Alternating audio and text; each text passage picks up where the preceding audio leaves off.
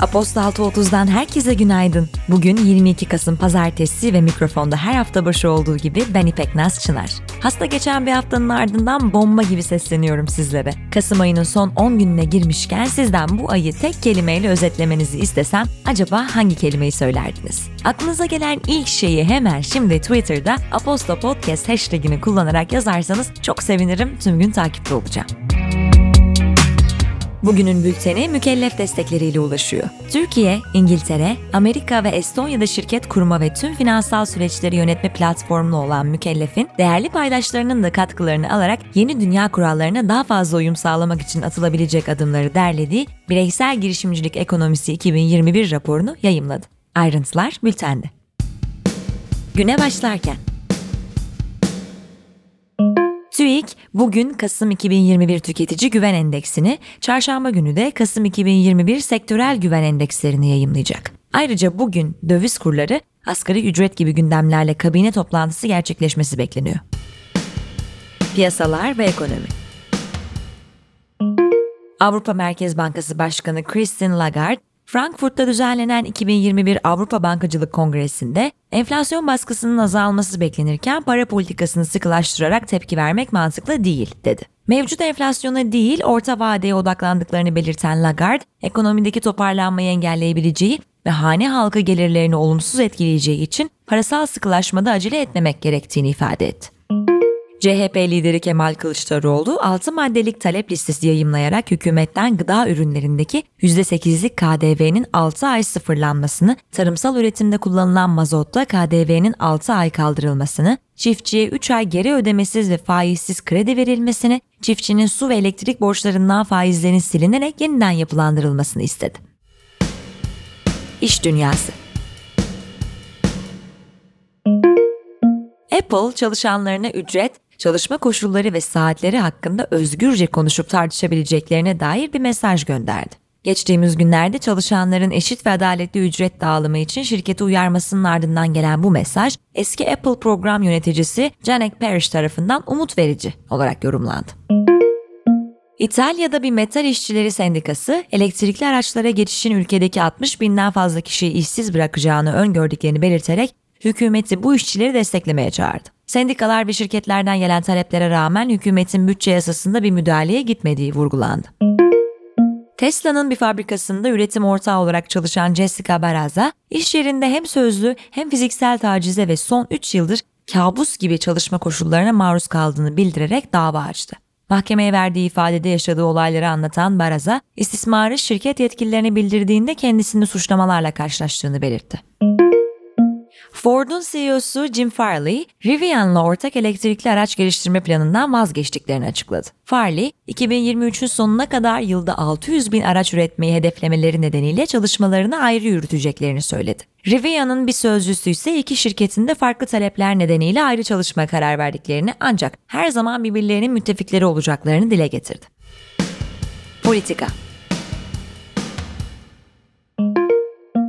Sudan'da askeri darbeyle görevine son verilen Başbakan Abdullah Hamduk, ordu ve sivil liderler arasındaki anlaşma kapsamında görevine döndü. Anlaşmanın ülkede yeni bir kabine kurulmasını ve siyasi tutukluların serbest bırakılmasını içerdiği belirtildi. Avusturya hükümetinin Şubat 2022'den itibaren aşı zorunluluğu getireceğini açıklaması ve sokağa çıkma kısıtlaması ilan etmesi protestolara neden oldu. Kısıtlamalara yönelik eylemler İsviçre, Hırvatistan, İtalya, Kuzey İrlanda ve Hollanda'da da devam etti. Yaklaşık iki yıldır Libya'da alıkonulan 7 Türkiye vatandaşı ülkeye döndü. Vatandaşların kurtarılma çalışmalarını Milli İstihbarat Teşkilatı ve Katar İstihbarat Teşkilatı yürüttü.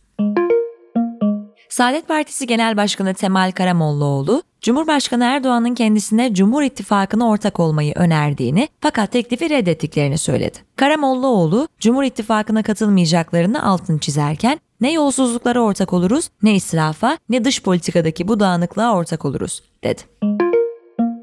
Polonya, Belarus'un göçmenlerin barındığı kampları boşaltmasına rağmen sınıra göçmen taşımaya devam ettiğini ileri sürdü. Göçmenler bölgeye Belarus yetkilileri tarafından askeri araçlarla getirildiklerini ve yetkililerin Irak'a geri dönme isteklerini görmezden geldiğini iddia etti. İran'da protestocular kuruyan nehrin yeniden canlandırılması için eylem yaptı. Çiftçilerin de katıldığı yürüyüşte adalet ve eşitlik çağrısı yapıldı. Ukrayna donanmasını güçlendirmek üzere tasarlanan ve içinde ABD'nin eski sahil güvenlik botlarını taşıyan gemi Çanakkale Boğazı'ndan geçti.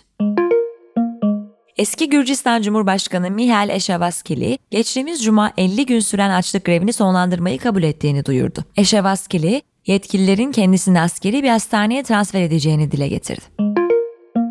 Çin, Litvanya ile diplomatik ilişkisini resmi olarak kestiğini açıkladı. Dışişleri Bakanlığı, Litvanya'nın Çin'in konuya ilişkin tutumunu yok saydığını ve uluslararası ilişkilerin temel normlarını görmezden geldiğini söyledi.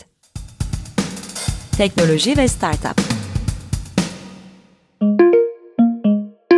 Yemek sepetinde geçtiğimiz hafta siber saldırı düzenleyerek çok sayıda kullanıcının isim, adres, telefon gibi bilgilerine ulaşan bilgisayar korsanları DW Türkçe'ye konuştu. Rusya merkezli bir oluşum olduklarını ve 22 Kasım'a kadar talepleri gerçekleştirilmezse yemek sepeti çalışanlarının iletişim bilgilerini yayacaklarını belirten grup, ellerinde 20 milyon kullanıcıya ait bilgilerin bulunduğunu bildirdi. Elon Musk, daha önce birçok kişinin aracına bağlanmasını engelleyen sunucuda yaşanan kesintinin çözülmesinin ardından Tesla'nın mobil uygulamasını yeniden çevrimiçi hale getirildiğini duyurdu. Musk aynı sorunun yaşanmaması için çalışmayı sürdüreceklerini belirtti. Google, gündelik robotlar projesi kapsamında üretilen robotların dün itibariyle ofis çevresinde çıkarıldığını ve robotlara çevreyi temizleme görevi verildiğini duyurdu. Robot şefi Hans-Peter Bronmo, artık ofislerimizde bir dizi faydalı görev otonom olarak yerine getiren yüzden fazla robot bulunuyor, dedi. Bitcoin'i yasal ödeme aracı olarak kabul eden tek ülke El Salvador'un başkanı Nayib Bukele, vergiden muaf bir Bitcoin kenti inşa etmeyi planladıklarını ve Bitcoin tahvilleri ihraç edeceklerini açıkladı. Blockstream'in baş strateji sorumlusu Samson Moe da yabancı yatırımcılara daimi oturma izni verileceğini ve yatırımcıların hızlı şekilde vatandaşlığa geçirileceğini bildirdi. Spor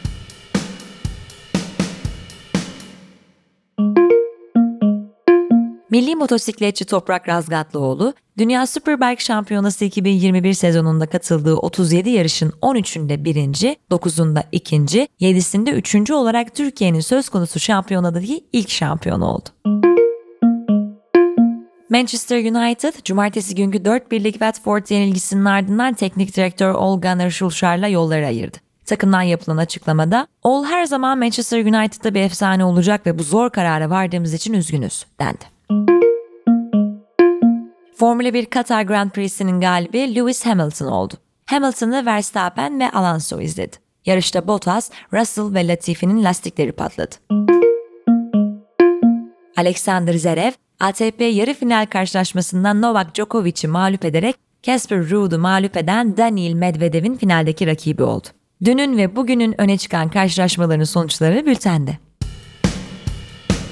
Günün hikayesi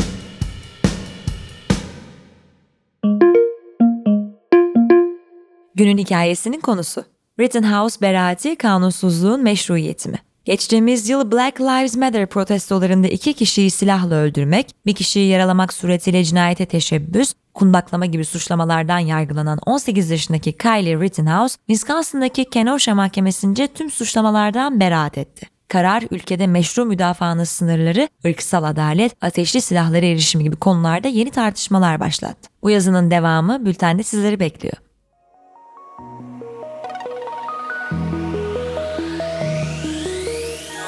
Evet sevgili dinleyenler, bir pazartesi bülteninin daha sonuna geldik. Mikrofonda ben İpek, inanılmaz yoğun bir hafta beni bekliyor. Sizlere de harika bir hafta diliyorum. Hoşçakalın.